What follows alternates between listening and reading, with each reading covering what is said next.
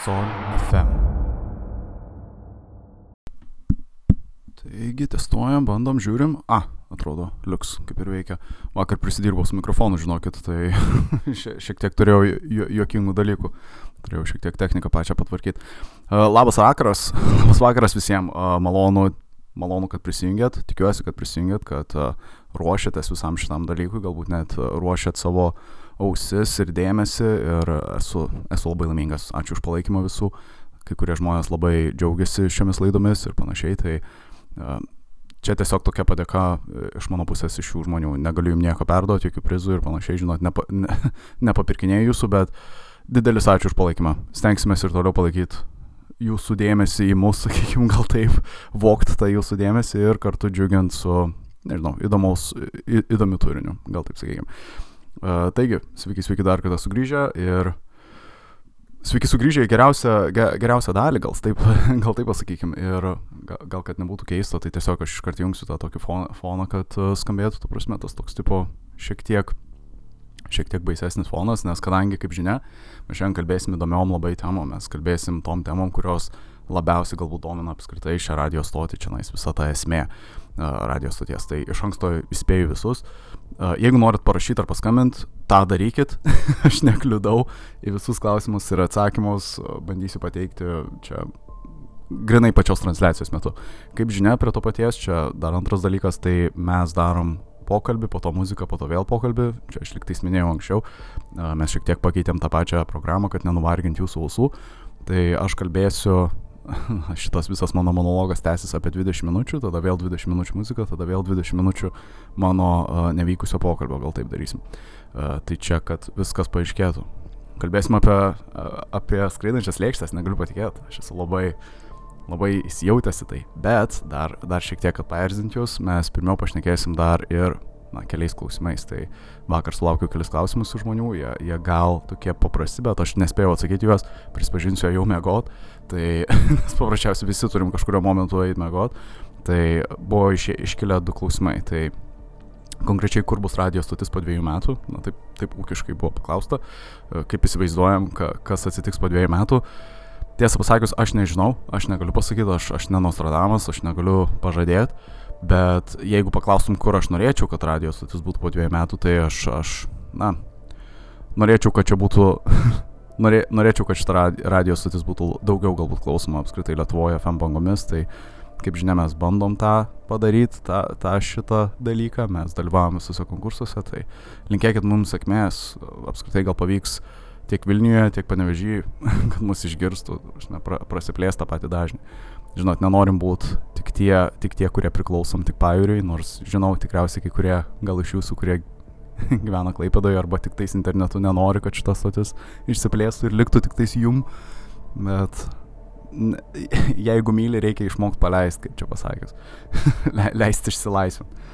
Uh, taigi, tai čia atsakant į tą klausimą, taip, tikimės, kad po dviejų metų, jeigu, jeigu vis dar egzistuos šita radio stotis, tai kad jinai bus išsiplėtus ir bus klausoma daugiau žmonių kad susidomėtų, žinot, naujais kūriniais, nauja muzika ir panašiai.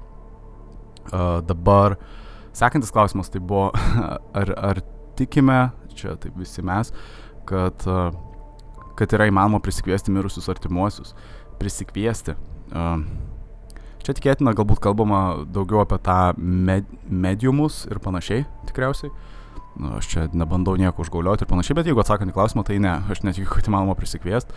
Uh, sakykime, numirėlius ar zombius ar kažkas panašaus, ar apskritai mirusius giminaičius. E, nelabai tikiu tom dvasiam, gal sakykime, ir panašiai. Čia vėlgi iš asmeninės pusės, bet uh, ta priežastis, kodėl aš nelabai tikiu, yra, bent jau jeigu manęs klausime, tai yra dvi priežastys.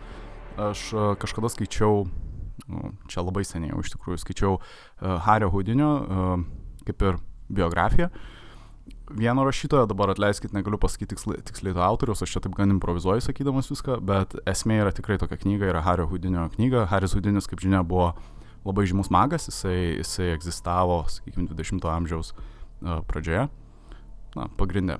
Uh, ir iš esmės jisai kartu, kaip būdamas magas, jisai sukūrė tokią kaip ir draugiją, kuri šiek tiek ėjo prieš mediumus. Nes mediumai kaip ir pardavinėjo, kaip žinia, tą tokią paslaugą paslaugą, tą tokią susisiekimą su Anapiliu, kaip sakykime. Tai Haris Udinis pamatė, kad čia yra toks kaip ir nesažiningas verslas, su žmonių jausmais yra kaip ir žaidžiama. Sakykime, jeigu išgyvena tokią netekti savo artimo ir panašiai, žinoma, jūs jaučiatės, lyg ne viskas buvo pasakyta, gal kažkas neužsibaigė ir panašiai, ir jūs nenorit su to susitaikyti. O štai atsiranda, atsiranda burtininkas, sakykime, kuris pasako, kad jisai gali jums padėti susisiekti.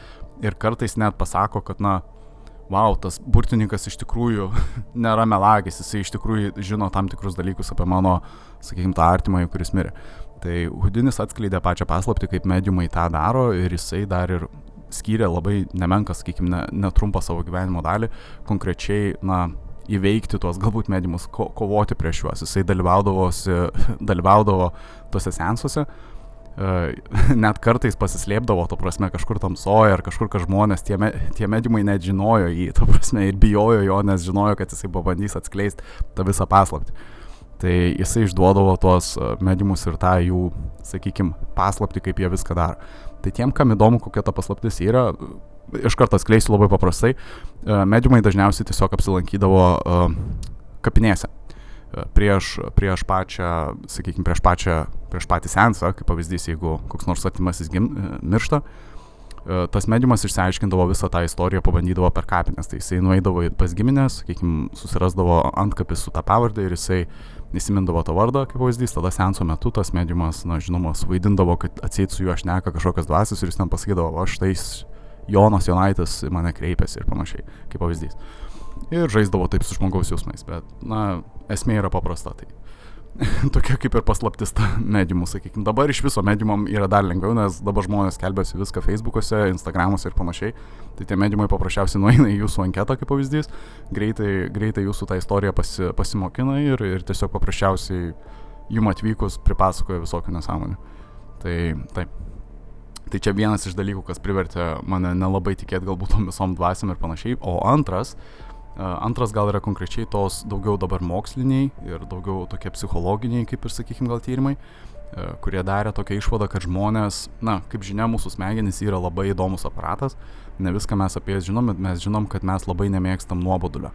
Kaip pavyzdys, šiais laikais mums nuobodybė nelabai, nelabai yra aktualu, kadangi mes turim, kaip pavyzdys, išmaniosius telefonus, mes esame pastoviai užimti, mūsų protas yra, na, mūsų protas yra pastoviai naudojamas, gal taip sakykime. O tais laikais, įsivaizduokim, senesniais laikais, kada ir dažniau matydavo žmonės vaiduoklių, nes čia kaip pavyzdys tas fenomenas, tie visi vaiduokliai, jie dažniausiai būdavo matomi mažiau, popul mažiau populiuotose galbūt vietovėse, ma mažesnėse miesteliuose ir panašiai. Ir dažniausiai tuos vaiduoklius matydavo pavieniai žmonės. Nebūdavo taip, kad, sakykime, tūkstantis žmonių pamato vaiduoklį ar kažkas panašaus. Ne, matydavo dažniausiai šeima, vienas žmogus, du ir panašiai. Kodėl taip atsitikdavo, yra manytina dabar šiuo metu, kad žmonėms tiesiog būdavo nuobodu. Ir kai žmonėms yra nuobodu, mūsų smegenys mėgsta mus šiek tiek na, pasidžiaugti su mumis, gal taip sakykime, ūkiškai. Ir, ir pradeda krės tam tikrus dalykus su mumis. Tai kaip pavyzdys, jeigu sėdit namie, jūs absoliučiai neturit ką veikti, neturit nei knygos, nei filmo, nei telefono, nieko rankose. Ir jeigu sėdėsit labai ilgą laiko tarpą tokiam kambarį, jūs išprotėsit paprasčiausiai. Tai jūs žiūrėdami į vieną tą tašką, jūs galite vos ne save priverst kažką pamatyti. Tai tie vaiduokliai taip ir dažniausiai atsirasdavo, sakykime, senovi. Dabar modernioji visuomenė vaiduokliai vis kažkaip ir išnyko, galima sakyti. Taip, dar atsitinka tuo atveju, kada žmonės giriasi, kad uh, jų namuose yra bildukas ar kažkas panašaus, bet tai, na, tai nėra tiesa, na, prisipažinkim. Tiesiog tai, tai, tai nėra tiesa. Paprasčiausiai, nes tie žmonės ir vengia to konkretaus tyrimo ir panašiai. Tai tikiuosi atsakiau abu klausimus ir galim toliau judėti su pačią esmę. Tai kalbėsim apie skraidančias lėkštės. Tai aš kalbu ne apie kažkokį restoraną, restoraną skraidančias lėkštės. Šiaip labai jokingas, labai jokingas būtų pavadinimas. Ne, mes kalbėsim apie neatpažintus skraidančius objektus, tai apie NSO. Uh, tikriausiai tą girdėjote ir apskritai tiesiog pasakysiu vienu žodžiu - ateiviai, tarkim, žmonės. Ką jūs galvojat, kai jūs išgirstate šitą dalyką? Jūs tikriausiai juoktis pradedat dauguma žmonių tiesiog, na, juoktis pradeda, nes, na, paprasčiausiai ateiviai, na, tai skamba lyg, na, tie maži, maži žali žmogeliukai, tiksliau pilki, bent jau kiek aš matau, jie tokie daugiau pilki nubla, nublankę, su dideliam juodom akim ir, ir dideliam galvom, labai smulkaus sudėjimo ir panašiai. Ir jie skrai, skraido ant tų tokių didelių lėkščių, ir panašiai. Ir aišku, kurie žmonės juokiasi ir panašiai, bet klausimas man iškyla, ar viskas yra netiesa, tu prasme, ar tai yra tiesiog tie patys vaiduokliai, ar tai tiesiog yra išmislas, nes žmonės tiesiog neturi ką veikti ir jų smegenis žaidžia su, su, su, su tais žmonėms, su tais liudytojais, sakykime, tų įvykių, ar vis dėlto yra kažko daugiau. Ar vis dėlto tas fenomenas, tos skraidančios lėkštės, na, turi bent kažkiek pagrindo savy. Ir aš iškart prisipažinsiu, aš esu gan skeptiškas žmogus, aš mėgstu, na, prieštaraut, gal taip sakykim. Ir ne, net nežinau nuo ko pradėti, bet esmė yra paprasta, kad, na, aš, aš šitą linkęs labai žiūrėti skeptiškai. Bet tai suprantama, kad, na, į pačias skraidančias lėkštės aš žiūrėjau, na, su tokia vos ne kaip pajoka. Bet dažniausiai tai kartu man pats tas dalykas, jisai gal šiek tiek šiurpus, net nemoku paaiškinti, prasme, šiek tiek ta, taip šiurpina tas kažkaip įsižiebė tas toks instinktas, kad kažkas net pažinto, kažkas nežinomo, kažkas ne, galutinai neištirto galbūt. Ir ar gali tai egzistuoti čia su mumis, prasme, kažkokios skraidančios lėkštės, ar tikrai.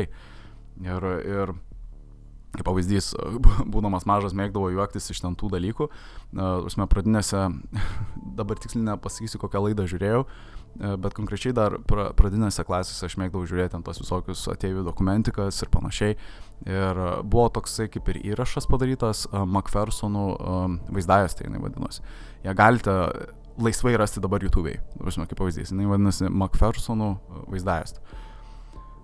Esmė tos vaizdajusios, tai tiesiog jinai yra, na, atrodo gan tikroviškai, bent jau tuo metu man atrodo labai gan tikroviškai, bet tai atrodo lyg atėjų pagrobimas kažkoks. Šeimos, vienos šeimos atėjų pagrobimas ir jisai yra nufilmuojamas, na, iš tos kaip ir šeimos kameros, sakykime, senovinės kameros, tos juostinės.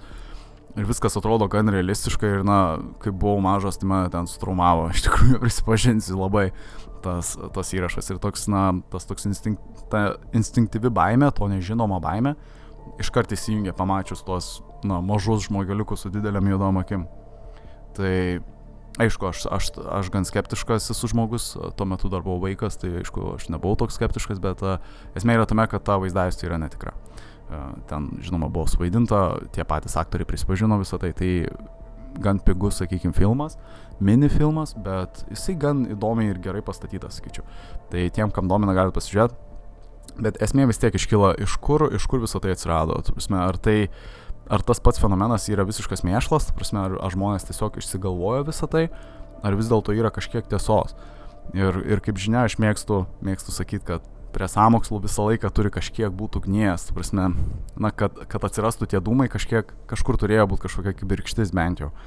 Ir aš manau, kad bent jau iš visų samokslų teorijų, apie kurias mes šnekėjom, aš manau, tavo būtent visa tas skraidančių lėkščių tie dalykai, jie turi kažkiek daugiau net gal pagrindo, sakykime.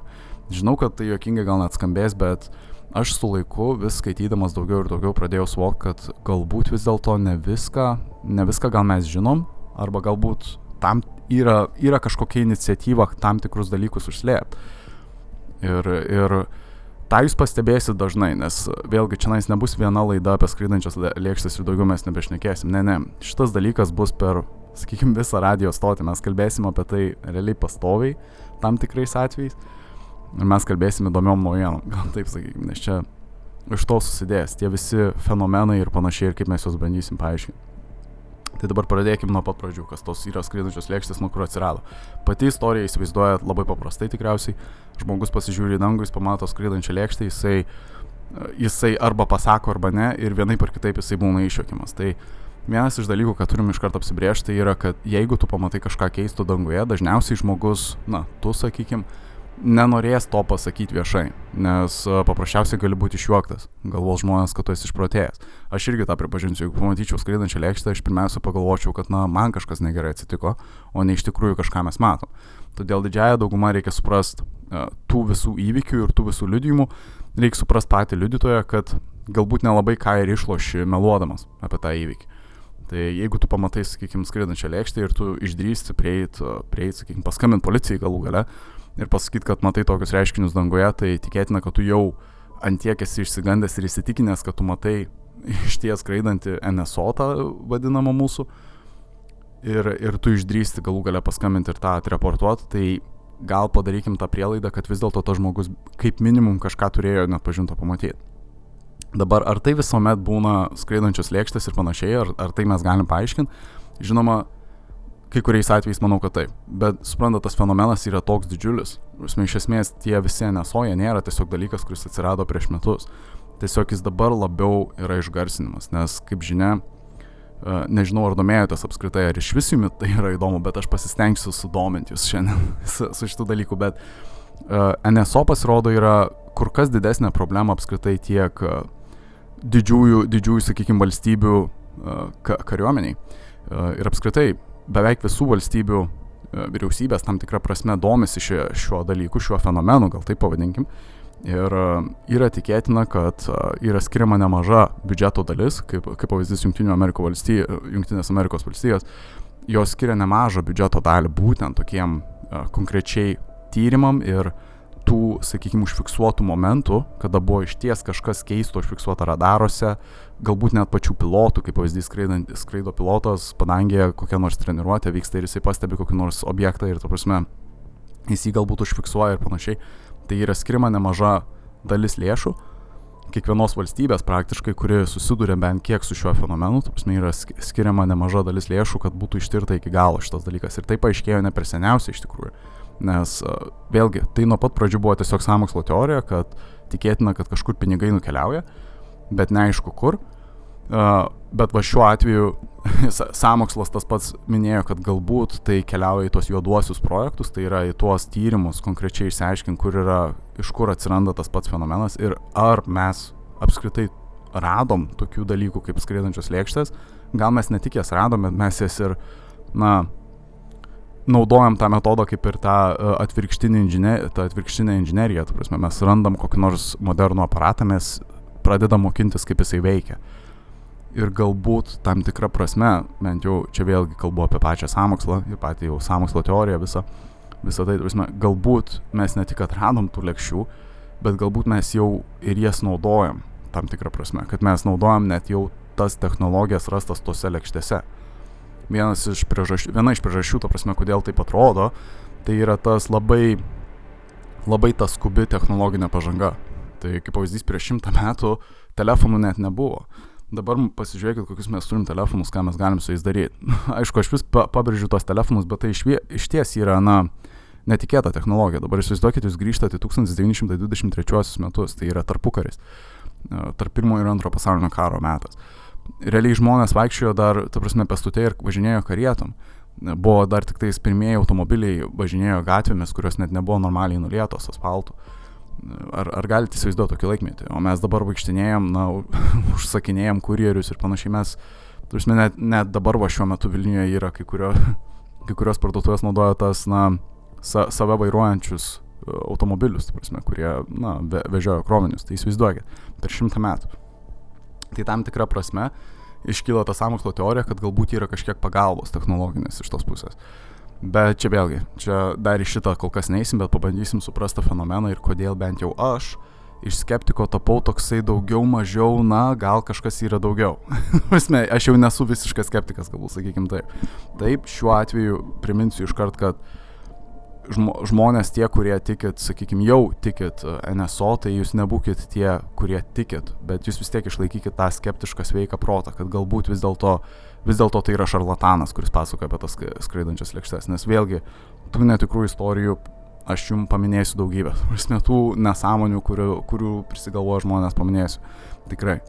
Tai esmė, kad suprastai, ką aš noriu pasakyti, kad tų, tų istorijų apie NSO ir užfiksuotus atvejus yra daugybė. Jų ten, prasme, tūkstančiai, šimtai tūkstančių. Ar visi jie yra netiesa? Ne. Bet ar visi jie yra tiesa? Irgi ne. Tai, kad suprast, kad kadangi fenomenas yra tokio dydžio, šarlatanizmas yra normalus, normalus dalykas. Vis tiek atsiras koks nors žmogus, kuris norės apgauti. Arba, na, kokio nors populiarumo gauti ir panašiai. Kad, oi, mane pagrobė ateiviai ten ir panašiai. Nu, mes žinom, kad tai nėra tiesa. Nu, tai yra nesąmonė. Bet skraidančios lėkštės, ar galbūt užfiksavai kažką, tu prasme, ore. Galbūt, galbūt yra kažkas daugiau. Uh, tai vėlgi, pradėkime nuo pat pradžių. Tai čia, čia gal pradėsim nuo, nuo keiščiausio to tokio sutapimo, tai ar pastebėjot, kad šiaip skraidančios lėkštės jos atrodo šiek tiek kitaip šiais metais? Na, šiais metais, šiais metais sakau, šios kartos skraidančios lėkštės jos yra įsivaizduojamas šiek tiek kitaip. Jos atrodo kažkaip kitaip nei, nei na senovės skraidančios lėkštės, gal taip pasakykime, nes uh, jeigu mes pažiūrėtumėme tuos brėžinius, uh, pirmųjų tų žmonių, kurie užfiksuodavo tos dalykus kaip skraidančias lėkštės, uh, tai kaip pavyzdys 1947 ar ne, Roswellas. Uh, mes pamatom, kad tos skraidančios lėkštės apskritai atrodo kaip bumerangai, jos turi juokingus, juoking, na, juokingo dizaino, gal taip pasakykime. O dabartinis tas dizainas skraidančių lėkščių, jisai atrodo toks, na, labai modernus, nu, kažkas, na, atrodo lik kultūriškai veikiamo. Tai čia gal šiek tiek bandau iš savo kaip skeptiko pusės jum pabrėžti, kad čia yra ta viena keistenybė, kurios aš nelabai suprantu, kad jeigu skraidančios lėkštės visada buvo, na, egzistuojantis fenomenas ir, sakykime, nėra kažkoks naujas dalykas, kodėl jos naujėja, kodėl pačios skraidančios lėkštės atrodo vis kitaip. Dabar esmė ir jos atrodo vis geriau, kaip pavyzdys, na, suprantat, kad visuomenė, aš net tikiuosi suprantamai pasakiau, bet tiesiog pačios skraidančios lėkštės, kaip mes jas įsivaizduojam, jos atrodo vis kitaip.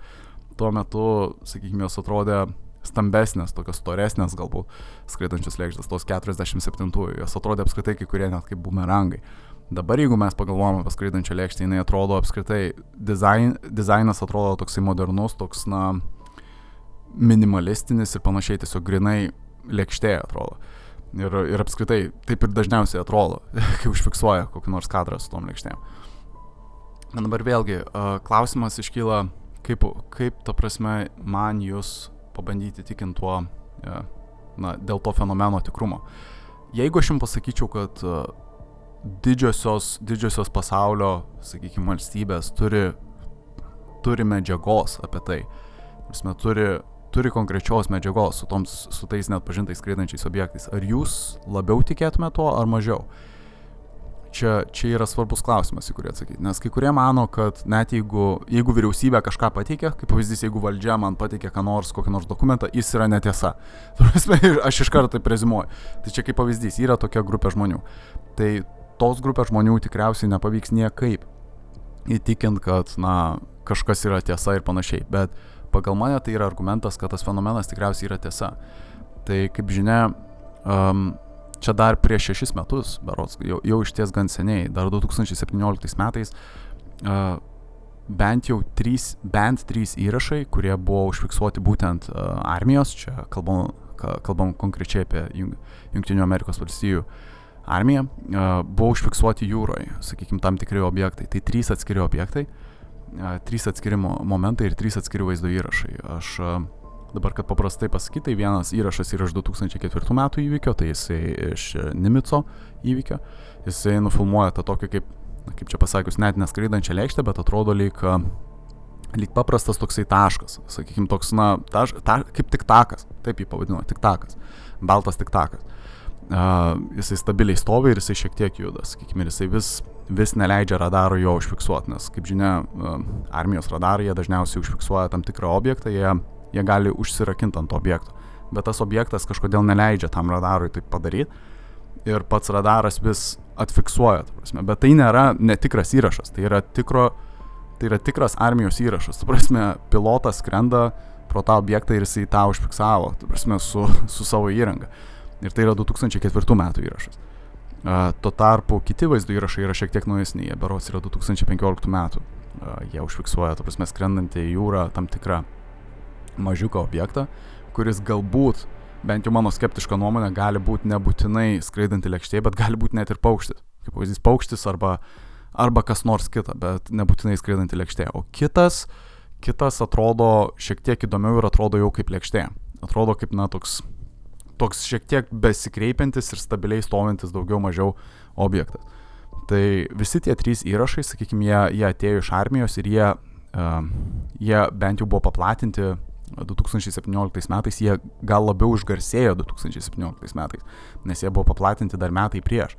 Bet kodėl jie išgarsėjo? Jie išgarsėjo todėl, kad būtent um, Junktinių Amerikos valstijų kaip ir valdžia, uh, vyriausybė, jie pasakė, kad jie iš ties nežino, kas tie objektai yra. Uh, ir jie, ir jie stengsis išsiaiškinti, ir jie pradėjo klausinėti ir tam tikrą prasme prašyti, kad būtų teikiamas ataskaitos jų armijos atstovų. Ir, ir su tuo laiku aš, ta prasme, supratau, kad jeigu, jeigu vyriausybė pati, ta prasme, siekia išsiaiškinti, ka, nežino, ką jie užfiksavo, ir tik pastebėsiu, patys vaizdo įrašai jie nėra geros kokybės.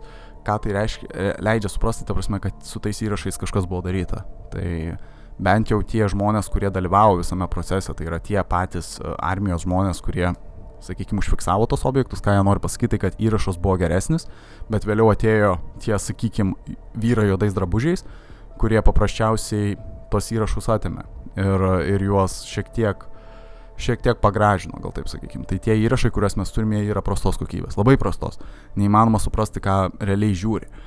Ir, ir, ir ką, ką tai leido suprasti, ta prasme, tiek valdžiai, tiek, tiek visiems piliečiam, kurie mato tos vaizdo įrašus, tai kad galbūt valstybė yra nusiteikus arba kažkas valstybės viduje yra nusiteikęs slėpti kažką.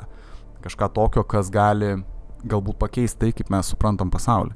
Nes pabandykite įsivaizduoti, jeigu mums taiga pasakytų, kad, na, skraidančios lėkštės yra tiesa ir, ir juose iš tiesų tie, tie pilki mažiukai, žmogeliukai vaikščia, kad tai nėra melas, tai skambėtų, na, tai pakeistų mus iš, te, iš esmės. Ir, ir kai kurie bando sakyti, kad galbūt tas užslaptinimas ir yra tokia esmė, kad, na, mes dar nesam pasirengę išgirsti tokias naujienas. Kai kuriems žmonėms, aišku, tai yra, na, sakytų kai kurie žmonės, kad, ai, man nerūpi, tarkim, ir panašiai, bet aš nelabai tikiu tokiais žmonėms, Nes, na, aš irgi galėčiau pasakyti, kad man nerūpi, nes, nu, aš vis tiek pirmadienį eisiu į darbą, sakykime. Tai koks skirtumas, kad tie ateiviai yra tikri, sakykime. Bet mes, mes to negalim garantuoti. Aš iš ties nemeluosiu, pasakyčiau, kad, na, jeigu taip atsitiktų, kad iš ties pasakytų, kad tos lėkštės yra tiesa, ir panašiai, aš nežinau, ar aš esu pasiruošęs šimtų procentų tą priimti faktą, kad žmonija vis dėlto nėra tas, tas sakykime, aukščiausias alfa, alfa, kaip čia pasakius, ta, tas alfa grobuonis, sakykime, visoji gamtoj, užkariavęs žemę ir gal vis dėlto, kad yra kažkas, kas su mumis galbūt gyvena ar mus stebi, kas galbūt yra aukščiau. Tai tas ir yra keista. Galbūt, kai, galbūt kitos civilizacijos tą stebėjo ir lygiai taip pat suprato, kad tai, ką mes matom, prasme, tai, ką mes dabar matom dangui, galbūt tai, galbūt tai tom civilizacijom buvo kaip dievai ar kažkas panašaus. Bet vėlgi, aš čia per daug toli nuėjau, aš čia pradėjau nuo to, kad lėkštės kažkaip modernėja ir labai keistai atrodo vis gražiau ir gražiau. Ir, ir, ir nuklydau šiek tiek į tą visą, kodėl aš esu mažiau skeptikas.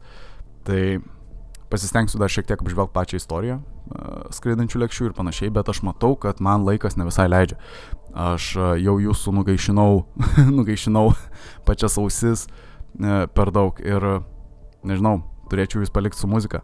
Ir apskritai, kaip ir minėjau, jeigu norit, galit paskambinti, parašyti, paminėti galbūt kažką aš sumelavau ar kažką netai pasakiau, arba galbūt kažką jūs norit paklausti.